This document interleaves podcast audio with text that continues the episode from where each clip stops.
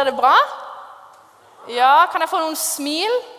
Store smil. Kan jeg se tennene deres? Ja, sånn, ja. Ja, Det er veldig godt å komme sammen igjen. Jeg, har, jeg ser en del nye ansikter her i dag, og det er veldig gøy. Og til dere som er her for første gang, så er dere hjertelig velkommen. Og så ser jeg også mange gamle ansikter, og det er veldig godt å se dere igjen òg. Okay? ja. For dere som ikke kjenner meg, så heter jeg Elisabeth Moi. Og jeg jobber her i Jesus Church. Og jeg er gift med denne her fantastiske mannen her, som heter Erik. Og som vi kan eh, informere om, i dag så er det vår ettårs bryllupsdag. Ja.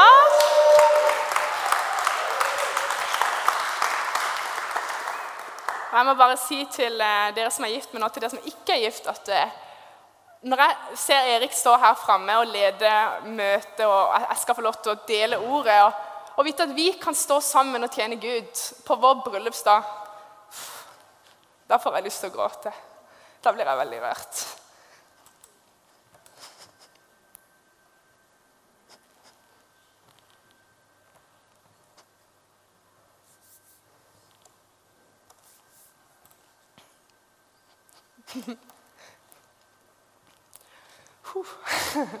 Det var ikke planlagt, altså. Det handler egentlig om at det er et utrolig privilegium å få lov til å tjene Gud. Å få lov til å stå sammen om å tjene Herren. Og vite at åh, må få kontroll her på stemmen. Hei. Vite at vi lever for Herren. Vi lever for Han. Det er Han det handler om. Det er Jesus. Få lov til å tjene Han, få lov til å stå sammen og bygge Hans rike.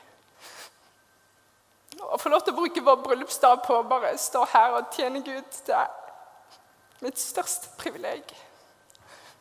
Så takk, Gud. Det er virkelig en velsignelse, altså. Wow. Ok.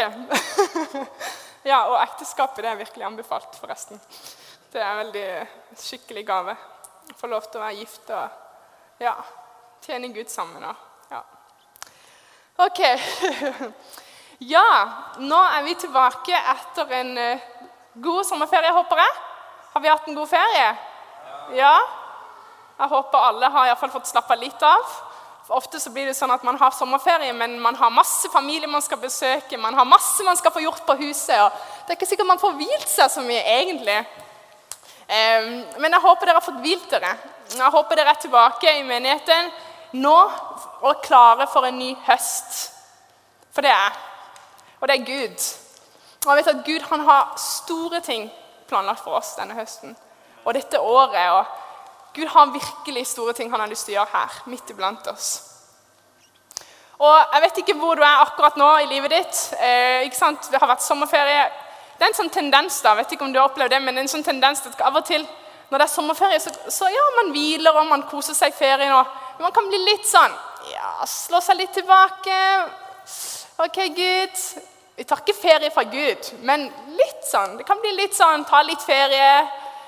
Ikke sant? Men nå er det på tide at vi våkner opp og bare fester vårt blikk på nytt. Og bare setter fokus. OK, Gud, nå er vi tilbake. Nå er vi her.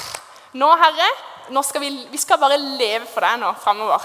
Vi skal bare få fokus, rette fokuset vårt på Jesus. Rette fokuset vårt på det som ligger foran. Rette fokuset på det han har for oss. Er vi klar for det? Er vi klar for å reise oss opp igjen? Vi kan ikke reise det fysisk, men reise oss opp på nytt og bare løpe. Løpe for å få tak på alt det som Herren har for oss dette året. Amen. Amen. Fordi Jeg tror virkelig Herren ønsker å overraske oss. Jeg tror virkelig Han har kalt oss til så store ting. Jeg vet at Han har kalt oss til så store ting. Han har så mye mer for deg. Så mye mer for deg. Han har kalt deg til mye større ting enn det du lever i nå. Og han har lyst til å lede deg inn i mye større ting enn det som du opplever nå. Og det ordet som jeg har lyst til å dele i dag, jeg har bare kalt det så enkelt som en ny høst. En ny høst til å begynne på nytt. En ny høst til å legge bak det som har vært, og begynne på nytt og rette fokuset framover. Rette fokuset på Jesus. Så, så ba jeg og spurte Gud ok, herre, hva, hva, er det du har, hva er det du ønsker å gi til menigheten. Og det er én ting som, som, jeg, som, jeg, fikk veldig på hjertet, og som, som, jeg har tenkt mye på i det siste. Og Jeg vet ikke hvordan det er med dere, men jeg har opplevd ofte, og iallfall den siste perioden, at det er så lett å komme i en sånn en Hva skal jeg si Vi er frelst. Vi, vi, tror på Jesus, vi går i menighet, vi tjener Gud. Men at man kan bli litt sånn OK, jeg lever for Jesus, men ikke 100 jeg, jeg går i menighet, jeg tjener Gud, men jeg gir ikke alt for han. Vi, vi kan bli litt fornøyd med, med, det som er komfortabelt. Vi kan bli litt fornøyd med å ha det behagelig. Skjønner dere hva jeg snakker om?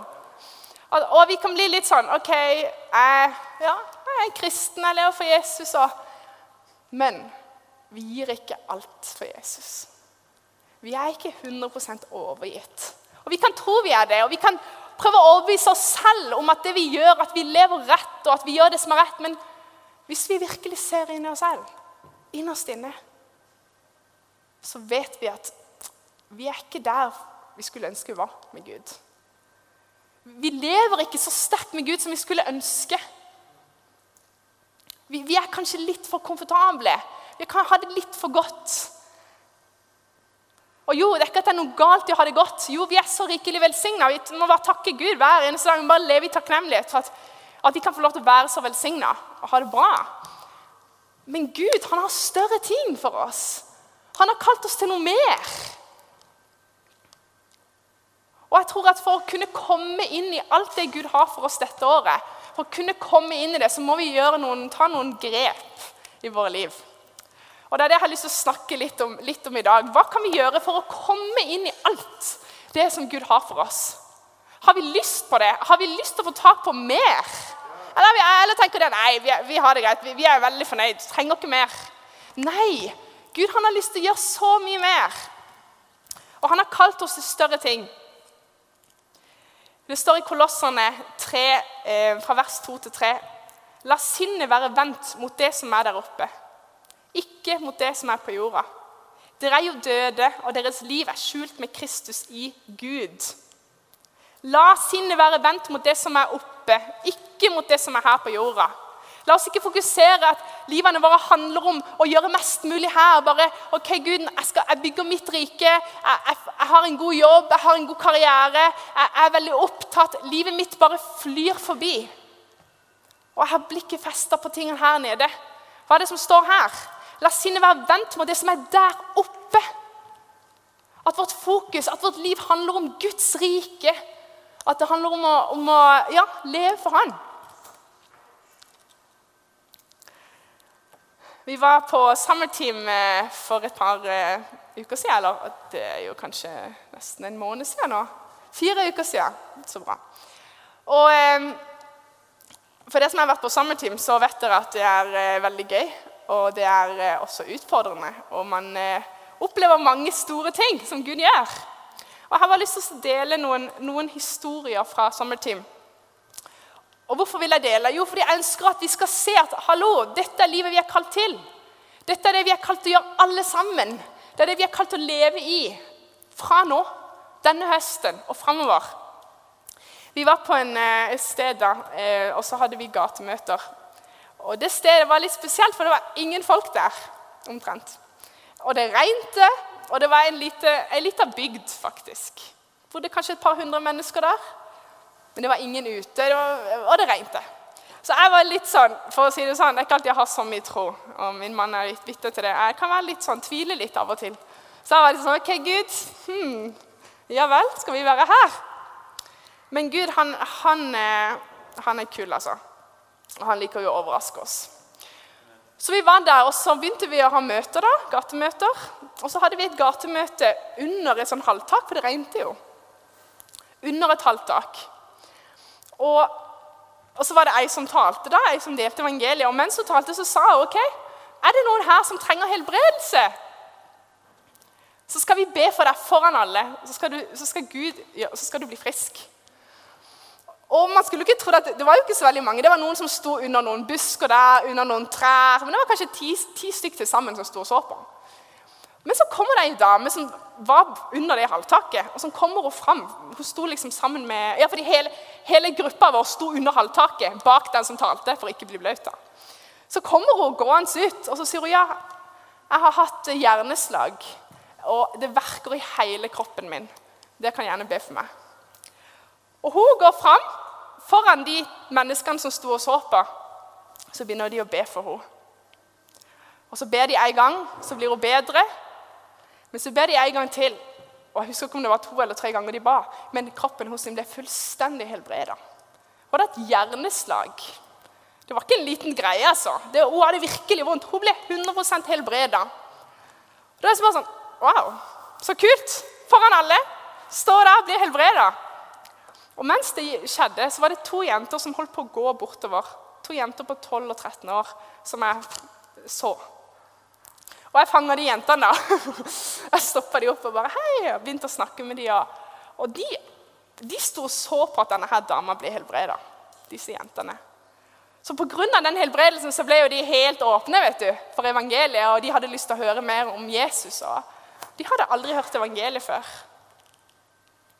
Mens jeg begynner å dele og jeg snakker om Gud og om hva Jesus har gjort på korset, så begynner hun ene jenta å gråte.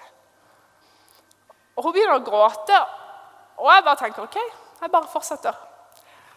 Og hele veien, Jeg tror jeg snakka med dem kanskje en time til sammen. Hun bare gråt og gråt og gråt. og gråt og gråt.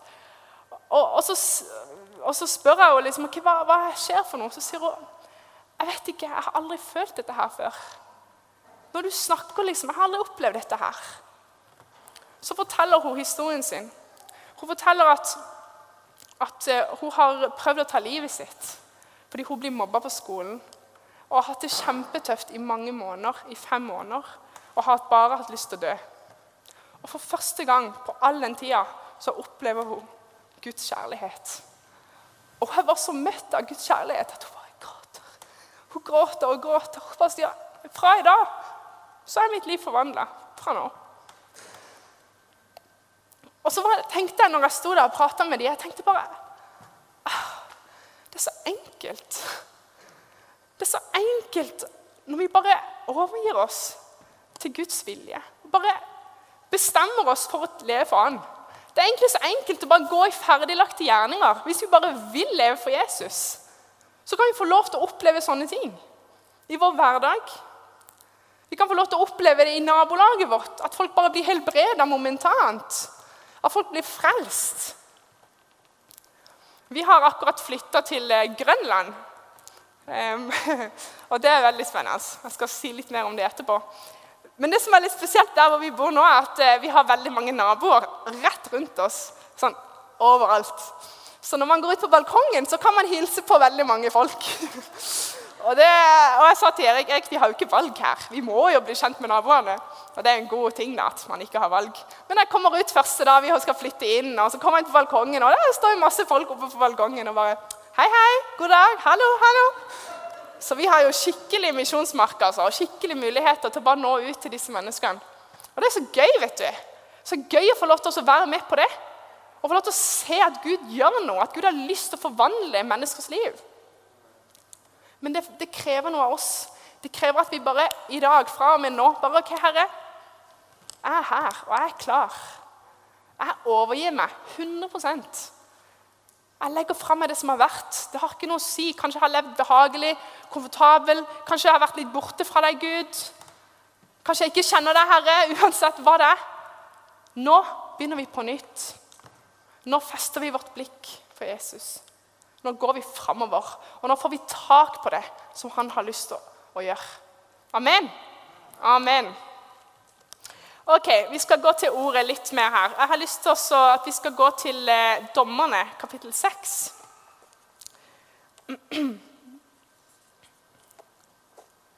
Dommerne, kapittel 6. Jeg skal lese litt om eh, en som heter Gideon, som dere kanskje kjenner til.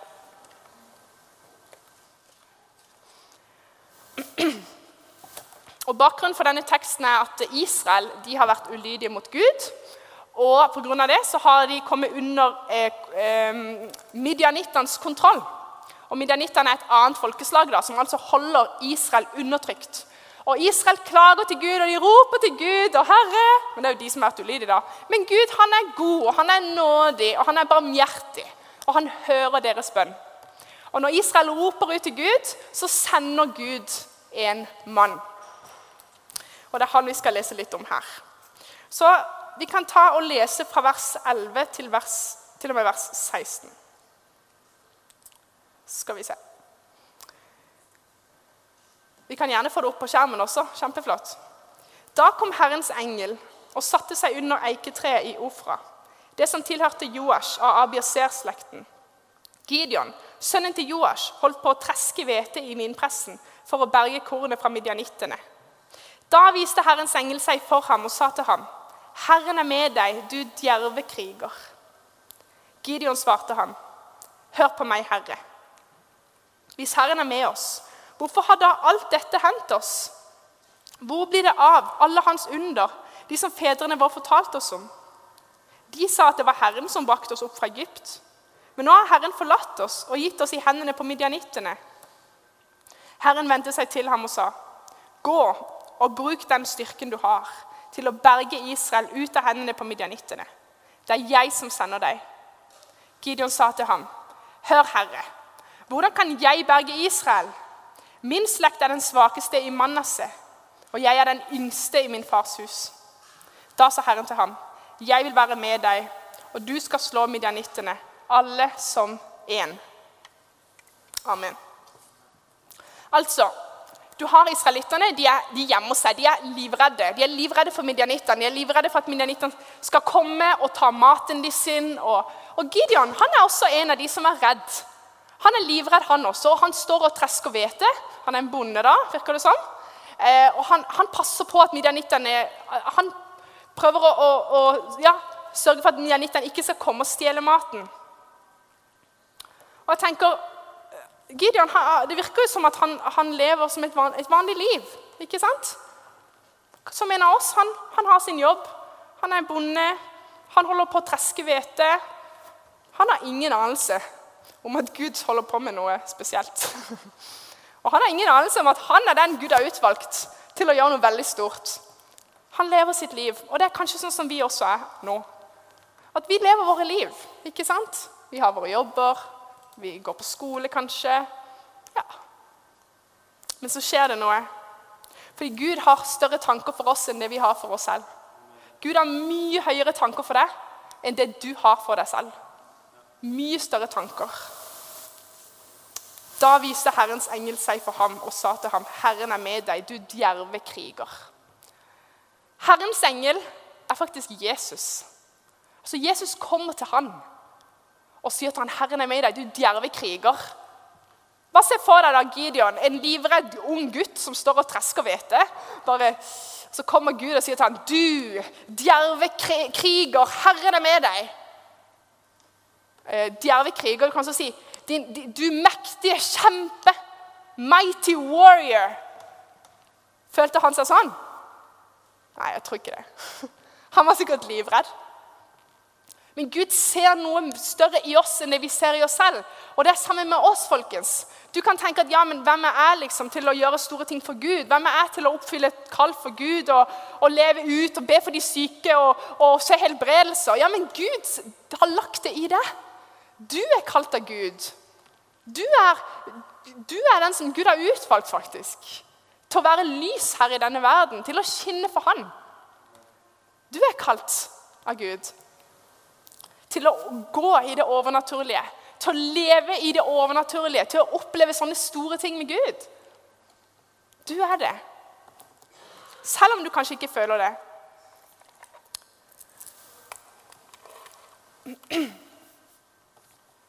Og det, Her handler det faktisk om identitet.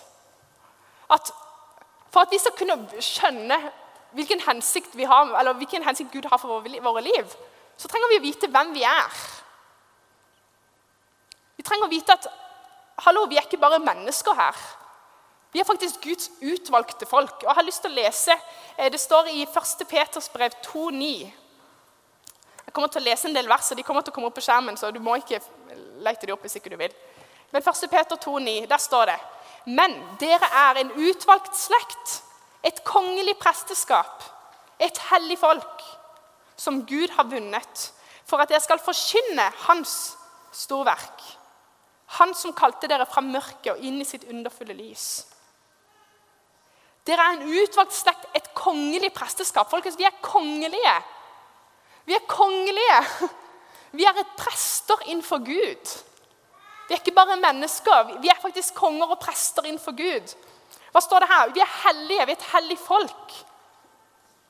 Vi er et folk som Gud har vunnet for at dere skal forkynne hans storverk.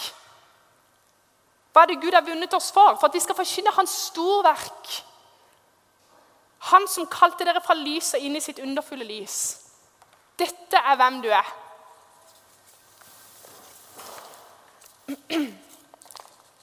Vi er skapt til større ting. Ok, så det sier Han til, han snakker jo til Gideon. 'Du djerve kriger.' ikke sant? Og så svarer Gideon i vers 13.: Hør på meg, Herre. Hvis Herren er med oss, hvorfor har da alt dette hendt oss? Hvor blir det av alle hans under, de som fedrene våre fortalte oss om?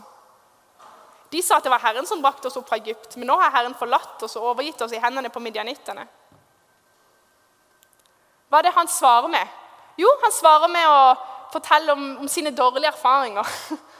Ja, Gud, hvis du er med oss, hvorfor har dette skjedd, og hvorfor har dette skjedd, og hvorfor har du latt Og Det er veldig lett kanskje når jeg en, holder en sånn tale som dette, at man, man, kanskje begynner å tenke på ja, ja, men jeg har jo levd sterkt for Gud før, men uh, Gud han har jo ikke vært trofast mot meg. eller Gud har jo ikke svart meg når jeg har bedt til han, eller jeg har jo bedt for syke, og de har ikke blitt helbreda, eller jeg prøver å evangelisere, men det er ingen som blir frelst når jeg deler evangeliet.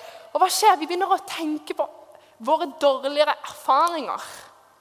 Og våre dårlige opplevelser begynner å forme hvordan vi tenker. Men vet du hva? I dag så kan du få lov til å legge det bak. Du kan få lov til å glemme det som har vært. Og det som er kult i denne teksten, at i vers 14 så Det virker som at Gud, Gud bryr seg ikke om hva Gideon sier. Gideon begynner å komme med alle disse unnskyldningene. ja, men dette her, hvis du er med oss, og Hvorfor har dette skjedd? og Alle mine dårlige erfaringer. Men Gud, akkurat som Gud bare ignorerer alt, alle de, alt de tingene, alt han sier, så bare fortsetter han. Herren vendte seg til ham og sa, 'Gå og bruk den styrken du har, til å berge Israel ut av hendene på midjanittene.' 'Det er jeg som sender deg.' Med andre ord, vet du hva? Det er ikke så viktig. Dine erfaringer, dine, dine opplevelser fra fortida, det har ikke så mye å si. Gud han er trofast. Gud er den samme. Gud vil frelse, Gud vil helbrede, uansett hva vi har opplevd. Gud har lyst til å gjøre større ting, og han kaller oss til å gå. Han sier til deg, 'Gå, du. Gå. Gå og frels denne byen.' Gå og frels nabolaget. Gå og Forsyn evangeliet for nabolaget ditt. Be for dine klassekamerater. Det har ikke noe å si hvilken erfaring du har. Det har ikke noe å si om de ikke har blitt helbreda før. Det har ikke noe å si om de ikke vil høre på deg. Gå.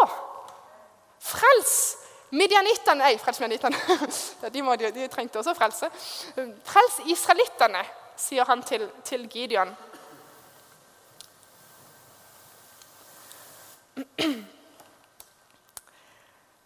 Ja. Um, vi, altså da, ikke sant, vi kan ha dårlige erfaringer, men Herren vil at vi skal glemme det, og at vi skal vende blikket forover. Og Hvis du skal huske tre punkter fra i dag Jeg er litt sånn glad i punkter. Det første er du skal se framover. Det er nummer én. Ok? Vi legger bak det som har vært, og vi retter blikket framover. Se framover. Og For å huske, at du skal huske dette poenget, da, så, så vil jeg bare fortelle en kort, en kort sånn, uh, illustrasjon her. jeg bare tenkte på det. Se framover, så fikk jeg med en gang sånn i hodet mitt en, en sånn en, uh, assosiasjon. Fordi jeg har scooter. Uh, og den har jeg ikke egentlig brukt på mange år. Den ligger i Kristiansand, faktisk. Den står der. Men en gang så, så jeg, kjørte jeg scooteren min. Jeg var veldig glad i scooteren min. Og så var jeg jo veldig salig. Så mens jeg kjørte scooter, så bare tenkte jeg nå må jeg bare be. Nå må jeg bare snakke med Gud. Så jeg gjorde jo noe dumt, da. Mens jeg, jeg kjørte scooter, så bare begynte jeg bare jeg fjerna blikket fra veien og framover begynte å se oppover. Jeg var jo så salig, vet du. Man meg i bønn. Så skulle jeg ha tid med Gud, vet du. Og så bare, ja. Og så kan du tenke hva som skjedde. Å, fy søren. Takk, Gud, altså. Jeg lever, jeg er her.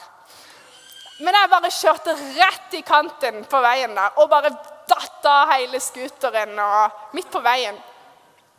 Og jeg bare tenkte, herre, når jeg ber, når jeg søker der, så skjer det sånn. ikke sant? Nei da, jeg tenkte ikke sånn da. Men jeg bare datt rett av scooteren og snubla og skrapte opp scooteren. Og ja. Jeg kom meg hjem til slutt, og det gikk bra. Men hva er det som skjer når vi vender blikket vekk fra veien? Jo, da skjer det sånn. Vi snubler, vi faller. Vi sløser vekk tid. Jeg, jo, jeg, skulle jo komme meg et sted. Jeg måtte jo kjøre hjem. Jeg, jo, jeg ble jo litt skada da. Ikke veldig, men litt. Ikke sant? Så, der, så gikk tida som jeg kunne brukt til å fokusere på veien. Nå sløste den tida vekk. Og det tror jeg skjer når, når vi fokuserer på vår fortid og lever i fortida og lever i våre unnskyldninger og om hvorfor vi ikke lever for Gud. Og, så sløser vi vekk tida vår. Og tida går. Tida som er så dyrebar. Og vi kan fokusere og gå framover inn i det Gud har for oss. Så bare sånn at du skulle huske. Så se framover når du kjører bil. ok? Godt tips. Ja. Så kan det være at det er vanskelig for deg å se framover pga. du kanskje bærer med deg ting fra fortida. Kanskje du bærer med deg skam, skyld. At du bare tenker men jeg er ikke verdig til å tjene Gud. Se på livet mitt. Se på det jeg har gjort. Jeg kan ikke bli brukt av Gud. Hvem er jeg? Vet du hva? Jesus han kom for din skyld. Han kom for min skyld. Han kom for å ta alt det som vi har gjort. Alle våre feil, all vår skyld, all vår skam, all vår fortid. Og han tok det og betalte straffen for det på korset. Han betalte prisen for å sette deg fri fra din fortid. For å sette, gjøre deg helt ren. Og du kan få lov til å bare komme til Gud i dag, hvis det er det som er tilfellet. At du bærer med deg ting fra fortida. Så kan du få lov til å komme inn for det etterpå. Bare legge det ned for korset. Bare gi det til Gud. Så kan du få lov til å begynne på nytt legge det bak, det som ligger bak.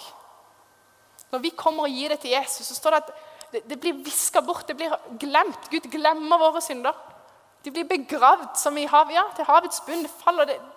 Gud kommer ikke til å minne deg om det igjen. Minne deg på det igjen. Så det kan også få lov til å gjøre. Legge fra deg alt som ligger bak. Kan du få lov til å legge fra deg nå skal vi ha litt tid etterpå i bønn også, i, i, når vi er her. Vi skal ha litt tid til forbønn og sånn. Så kan du også komme fram hvis du vil, og, bare legge det fra deg. Så vi kan få lov til å se framover, alle sammen. Legge fra seg som har vært, fokusere på det som ligger foran, og begynne å løpe framover mot det som Gud har for oss.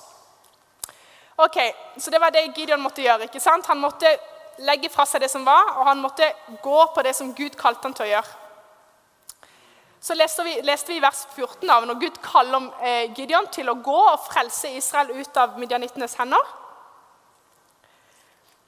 Og Grunnen til at Gud kunne tale sånn til Gideon, jeg tror det var fordi Gud, Gideon hadde et sterkt forhold til Gud. Det tror jeg. Jeg tror han, han hadde sånn type fellesskap med Gud. Tenk deg at en engel kommer til deg, eller at Jesus kommer til deg. Og han begynner å snakke til deg. Du, Maria. Du, du, du er mektig kjempe. Her, jeg kaller deg. Jeg snakker til deg. ikke sant? Hadde du reagert sånn som han? Gud, Jesus, hvis du bryr deg om meg, hvorfor da, da, da, da, da? Tenk deg at Jesus står foran deg. Hadde du vært så avslappa om Jesus sto foran deg? Da begynner å klage med en gang. Jeg tror Gideon kjente Gud. Jeg tror han hadde en sånn relasjon til Gud at han ja, han ble liksom ikke, virker ikke som han, Det virka ikke som at han ble overraska over at Jesus kom til ham. Og jeg tror det handler om det fellesskap med Gud da, som vi er også kalt til å leve i. At vi har et så sterkt forhold til Gud. At vi lever i så sterk Vi kan si det er et ord som ikke helt passer på norsk, men jeg liker det på engelsk. da, Intimacy. For norsk er det litt sånn annerledes. Fellesskap det er liksom ikke så mange ord man kan bruke. Men intimacy med Gud, nærhet, sterkt fellesskap med Gud. Hvor vi lytter til hans stemme og vi får hans instruksjoner, og vi hører hans instruksjoner. Sånn som Gideon. Det var jo veldig tydelig at Gud talte til ham. Gud var jo veldig konkret. Og Sånn tror jeg Gud vil tale til oss òg. Jeg tror Gud har lyst til å være kjempekonkret når han taler til deg. Og at du bare skal kjenne hans stemme så godt, og du bare kjenner Gud så godt at du bare vet akkurat hva han sier. Du bare hører hans stemme, og du vet akkurat hva du skal gjøre. Det er sånn type fellesskap som vi er kalt til å leve i med Gud. Et så sterkt, mektig fellesskap hvor du kjenner han. Du kjenner hans stemme.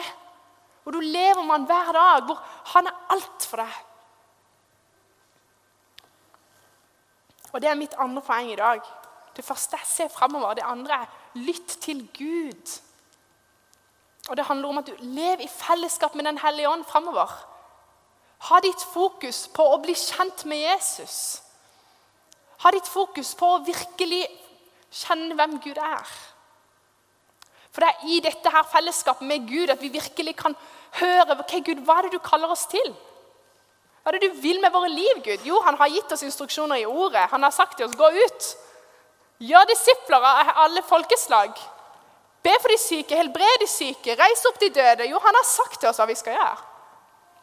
Men han kaller oss også spesifikt til ulike ting. ikke sant? Og Hvordan kan vi høre, hvordan kan vi få tak på de tingene? Jo, gjennom fellesskapet med Den hellige ånd. Gjennom fellesskap med Gud. Der kan han tale til deg. Når du kjenner hans stemme.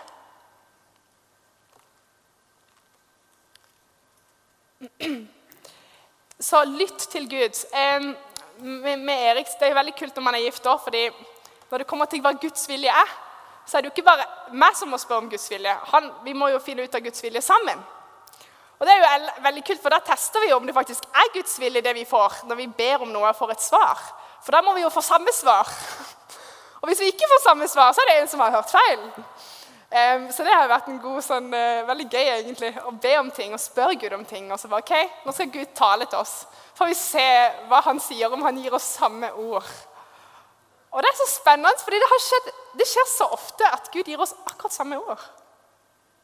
F.eks. Eh, hvis vi skal gi gaver til noen mennesker. da. Hvis vi har fått på hjertet vi skal støtte noen med penger, eller at Gud sier til oss at vi skal velsigne noen med gave, eller at vi skal reise på ferie et sted eller ikke, så bare ok, nå spør vi Gud. Nå får vi høre hva fra Gud.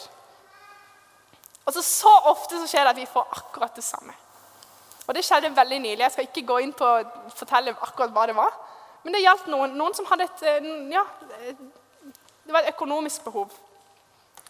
Og Mens vi snakka med den personen, så bare tenkte jeg puff, jeg fikk en idé.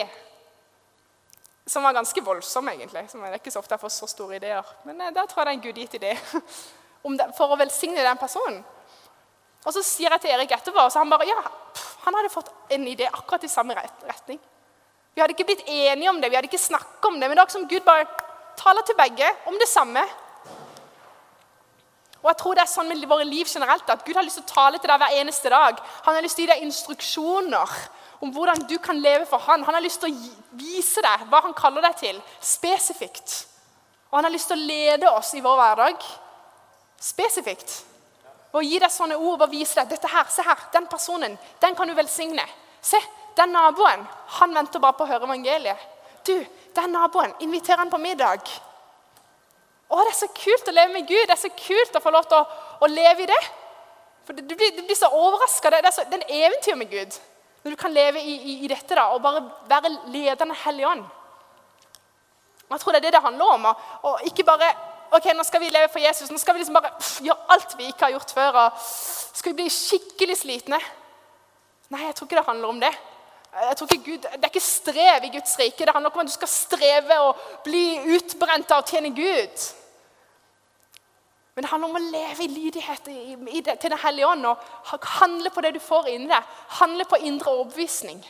Når Den hellige ånd viser deg ting, så gjør du det. Du handler på det. Det som Gud viser deg hele veien. Amen. Og Det var mitt andre. Og det tredje punktet er da ok, Gud taler til deg, han gir deg instruksjoner. Gå i lydighet. Nummer tre gå i lydighet. I vers 15, når eh, Gud taler til Gideon, så sier jo Gideon da Det er litt kult, fordi jeg, kan kjenne meg igjen i Gideon. Han er en helt vanlig mann. Hør, Herre. Hvordan kan jeg berge Israel? Min slekt er den svakeste i Manasseh, og jeg er den yngste i min fars hus. Høres han, eh, det høres sånn kjent ut, ikke sant? unnskyldninger. Han er menneske. Han føler seg svak. Han føler seg ikke egnet for den store oppgaven å redde Israel. Hør, han er faktisk den yngste i sin familie. Hallo, Gud. Du må ta hensyn til det. Da sa Herren til ham, 'Jeg vil være med deg, og du skal slå midjanittene, alle som én.' Han tviler på seg selv, men Gud har et annet perspektiv. Gud ser noe han ikke ser. Gud skal gi han seier. For det er ikke han som er stor. Det er jo Gud i han, det er jo Gud gjennom han. Det er ikke noe å si hvor liten han føler seg. Gud skal gi han seier. Gud har lovt det. Og hva er det han må gjøre? Jo, han må gå i lydighet. Og han må legge vekk unnskyldningene. Legge de fra seg. Og Jeg har lyst til å dele et, et vitnesbyrd i forhold til dette her med Grønland, som jeg kom inn på i stad. Fordi jeg tror veldig ofte når, når, Gud har lyst til å gjøre noe stort og noe nytt, så er det kamp om de tingene. Og Vi kjenner motstand inni oss ofte. og Det er ikke alltid vi, inn, ikke alltid vi forstår at det faktisk er åndelig kamp. Vi tror bare at det er vi som ikke vil. Men jeg, med det med Grønland så var det veldig kamp for meg å tenke at vi skulle flytte til Grønland. For Jeg tenkte å, det er så farlig der. Nå er jeg veldig ærlig her. Og det, Jeg vet ikke helt om jeg har lyst til å bo der, det er ikke helt trygt. Og så skal barna våre vokse opp der. Da, da, da. Jeg begynte å tenke masse sånn negative tanker. Og, og, så var vi og så på denne her leiligheten, og som sagt, som jeg tidligere sa, vi har veldig mange naboer. Og det er jeg ikke vant til. Jeg er ikke vant til at man går ut på balkongen og har liksom mange naboer overalt. Det er jo veldig mye innsyn, da. Så alle kan jo se på alt vi gjør. Men det er jo veldig flott samtidig, for vi kan jo være skikkelig lys. vet du. Alle vet jo Når vi har lovsang, så får hele nabolaget vite det. Så det er jo egentlig veldig veldig fint. Men det er noe nytt for meg. Det er liksom en ny opplevelse av å være vant til å ha mye privatliv. ikke sant? Der vi bodde før. En balkong som var veldig skjerma. At man, man, lever sitt liv. Ingen bryr seg, ingen andre. Men nå nå blir våre liv som åpne bøker. Nå kan alle se inn. Og det er veldig bra, da. Men for meg var det skikkelig kamp. Jeg bare sa til Erik å, det er så mye innsyn. Å, det er så mange naboer. Å, jeg vet ikke, jeg har lyst, jeg har ikke lyst til å bo der. Nei. Men så tenker vi ok, vi skal be. Jeg må få et ord fra Gud, for jeg har ikke lyst til å bo på Grønland. Jeg vil ikke bo der. Det var mitt første inntrykk. Det var det jeg tenkte. Så ok, Gud, Herre, hva tenker du? Og idet jeg begynner å spørre Gud Jeg gjør sånn. For det, var liksom, det kom så fort, Guds ord. Gud sier til meg Nå må jeg tenke Skal vi se Gud, har, jeg har ikke ført deg hit for at du skal vende tilbake. Jeg har ført deg hit for å innta det landet som jeg har lovt deg. Det sa Gud til meg. Sånn i det øyeblikket. Og det var som, Jeg følte meg som om som de israelittene Josfa når de var i ørkenen. Og de så Jeriko, og de tenkte å, det er så store kjemper i det landet. Å, vi kommer til å bli drept. Vi er jo så små. Hvordan skal vi innta det landet der? Sånn følte jeg litt der. Ok, ikke, Det er ikke så ille på Grønland. altså. ok? Det er ikke store kjemper der. Vi skal ikke bli drept og sånn. Men at det er liksom sånn, åh, litt kamp. ikke sant? Så at man ser for seg liksom, Det landet det er litt sånn vanskelig. Men Gud sier til meg det landet dere skal innta. Det landet dere skal få lov til å gå inn i og få tak på. Det er det jeg skal gi til dere. Da var det ikke noe mer å gjøre enn å bare si 'Yes, sir'. Ok, Gud, da flytter vi dit. Og Vitnesbyrdet er jo at det har vært en velsignelse fra dag én. Vi ble jo kjent med naboene første dag. en del av dem iallfall. Og jeg tenker, wow, For en mulighet! Så nå de menneskene her. De kjenner ikke Jesus. Kan nå de, Vi kan invitere dem på middag allerede snart, fordi vi kjenner dem jo gjennom balkongen. Det er liksom sånn Wow, for en mulighet! Og vi er så velsigna å bo der. Og dere er hjertelig velkommen, forresten. Så eh, Vi skal ha åpent hus og sånn etter hvert. Ikke helt ennå, vi må få ting på plass. Men snart så kan dere komme på besøk. Gå i lydighet. Gå på det Gud viser deg. Handle på det ordet han har gitt deg. Så skal du få lov til å virkelig komme inn i alt det som, som Herren har. Jeg skal avslutte nå. og denne her teksten, Vi har jo lest fram til vers 16. Men det som skjer etterpå, det er jo at han, eh, han tviler jo litt da, på at, Gud, at, det faktisk er Gud som snakker til han.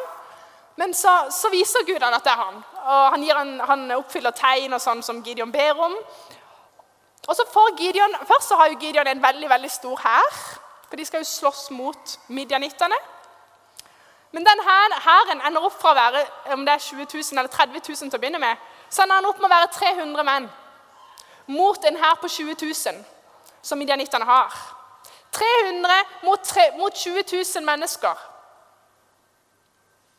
Men Gud har sagt til han, du skal slå midjanittene, alle som én. Hvorfor? Fordi Gud var med. Gud skulle gi han den seieren som han ikke kunne se for seg. Og hva skjedde? Jo, de 300 de vant over de 20 000. Og de fikk full seier. Og bare tenk deg den følelsen for Gideon etter at de har seier. bare, wow, Det er sånn det er å leve med Gud.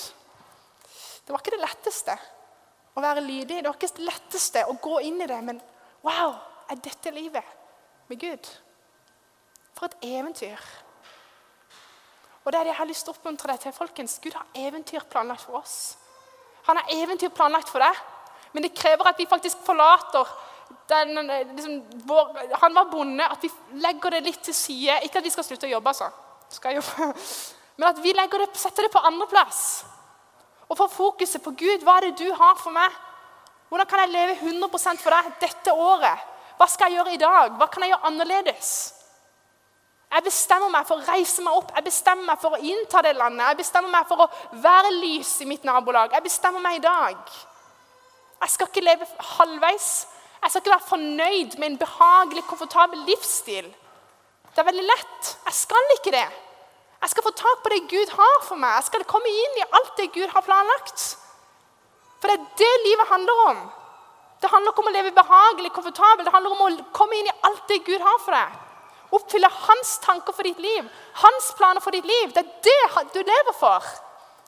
Og det er ikke før du oppfyller det kallet han har på livet ditt, at du skal virkelig kjenne at du lever. At du virkelig, når, død, når Den dagen når vi, legger, når vi legger oss i grava Den dagen Gud tar oss opp til sitt rike, at vi da kan si 'Herre, jeg har fullført løpet'. Og Gud sier til oss 'Du trofaste tjener'. Bra jobba. Trofaste tjener. Du har fullført. Og vi skal vite at vet du hva, jeg sløste ikke vekk livet mitt. Jeg må avslutte med, med en, eh, noe som har virkelig vært viktig for meg de siste årene. Jeg var i Israel for et par år siden, og jeg snakka med ei dame på 85 år. Og Den dama hun var veldig søt. Å, så skjønn dame, altså. Men jeg satt og prata med henne, og hun sa til meg Elisabeth, vet du hva? Når jeg var ung, når jeg gifta meg, så visste jeg at Gud hadde kalt meg inn i Frelsesarmeen. Men min mann han var ikke interessert i å, i å leve i det kallet, så jeg valgte å legge det til side. Ikke gjør samme som meg. Ikke legg vekk kallet. Ikke bli fornøyd med bare liksom familielivet. Jo, det er flott å ha familie, det er flott, det, men ikke gjør det jeg gjorde. Og 85 år og angra på hvordan han hadde levd livet sitt. Det skal ikke skje med oss. Vi skal ikke se tilbake på våre liv og tenke åh, hvorfor levde jeg ikke mer radikalt for Jesus? Åh, Hvorfor gjorde jeg ikke det Gud kalte meg til? Åh, Hvorfor søkte jeg bare behagelighet? Hvorfor søkte jeg bare komfort? Hvorfor? Ikke gjør samme feil som jeg gjorde, sa hun til meg. Kom deg inn i det Gud har for deg. La oss komme oss inn i det i dag, nå. Jeg har lyst til at vi skal bruke litt tid i, i bønn. Um, og jeg har bare lyst til å eh, gi deg en, utfordring. Kanskje du er her og så Ja. Du er litt sånn som det er lett å bli, da. Du lever du, du, er kristen, men du er ikke der hvor du lever overgitt til Jesus. Det er andre ting som er viktigere i livet, kanskje. Det er andre ting du fokuserer mer på prioriterer. Du har kanskje mista fokuset, egentlig, fra Jesus. Og du lever ikke sånn som du vil leve. Du lever ikke fullt overgitt. Og du lever ikke i det kallet som Gud har for deg. Og Når jeg snakker om kall, så kan folk tenke ja, men jeg vet ikke hva som er mitt kall. Å, ikke sant? Det er ikke det det handler om nå. ok? Det handler om liksom, det livet med Gud hvor du bare lever med Han hver dag, og du er overgitt til Hans vilje og søker alltid å gjøre det Han vil. At du er ikke der akkurat nå. Men du har lyst å begynne denne høsten og bare si, 'Herre, jeg begynner på nytt.' Jeg bare legger ned mine planer. Jeg legger ned mine tanker. Jeg bare legger, legger meg ned framfor deg. Jeg vil tjene deg.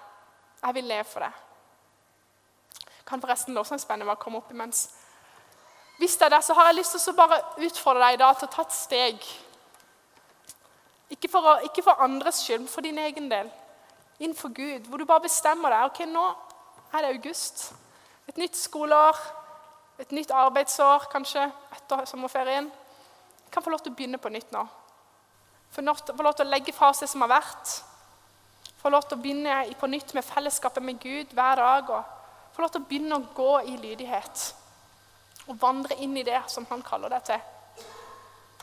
Hvis det er der, så har jeg lyst til å utfordre deg til å komme fram når vi har litt lovsang om en liten stund. Bare komme fram. Så kan vi godt be for deg. Og Hvis ikke du vil ha bønn, så kan du bare komme og knele, f.eks. Som et, et, svar til Gud. At nå begynner jeg på nytt. Og Jeg snakker ikke om at du må leve i synd og at du, har, du er skikkelig langt vekk fra Gud. Det er ikke det det handler om. ok? Det handler om at ok, Herre, jeg overgir meg.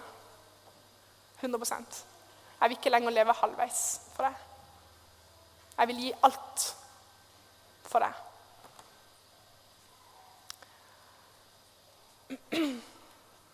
Kanskje du er her og har hørt det jeg har sagt, men du, du kjenner deg ikke igjen. og du, du, kjenner ikke Jesus.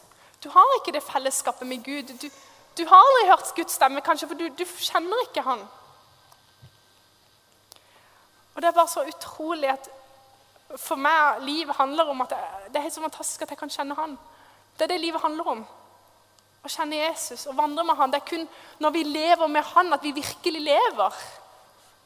Det er meninga med livet. og Det er å kjenne Jesus og kjenne Han. Og vandre med Han hver dag. Og Hvis du er her og ikke kjenner Jesus, så kan du få lov til å bli kjent med Han nå. Du kan få lov til å få fred med Gud. Du kan få lov til å invitere Han inn i ditt liv. Og Han har lyst til å komme inn i ditt liv akkurat nå hvis du ikke kjenner han. Han har lyst til å gi deg evig liv, og han har lyst til å gi deg en ny begynnelse. Også hvor du kan få lov til å legge fra deg det som har vært. Det har ikke noe å si hvor du er. Det har ikke noe å si hvilken bakgrunn du kommer fra. Det har ikke noe å si hva du har gjort. Han tar deg imot i dag med åpne armer. Du kan få lov til å bare komme til han med åpne armer. Så nå, mens vi, vi, vi alle sammen sitter, så vil jeg bare spørre hvis det er noen her kanskje som ikke kjenner Jesus. Og du tenker, ah, Eller kanskje du har kjent Jesus en gang, men du har gått vekk fra Gud. og Du vet at du lever ikke med Gud nå. Kanskje du trenger å bare komme tilbake til han. Så vil jeg bare, mens vi alle kanskje lukker øynene, hvis vi kan gjøre det Bare lukke øynene alle sammen.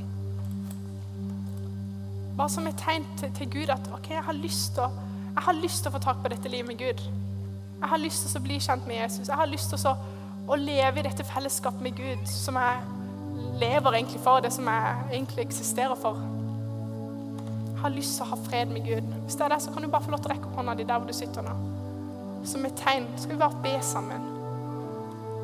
Er det noen her? Kan du bare rekke opp hånda så jeg kan se hånda di. Så skal vi bare be sammen og invitere han inn i ditt liv. Takk, Jesus.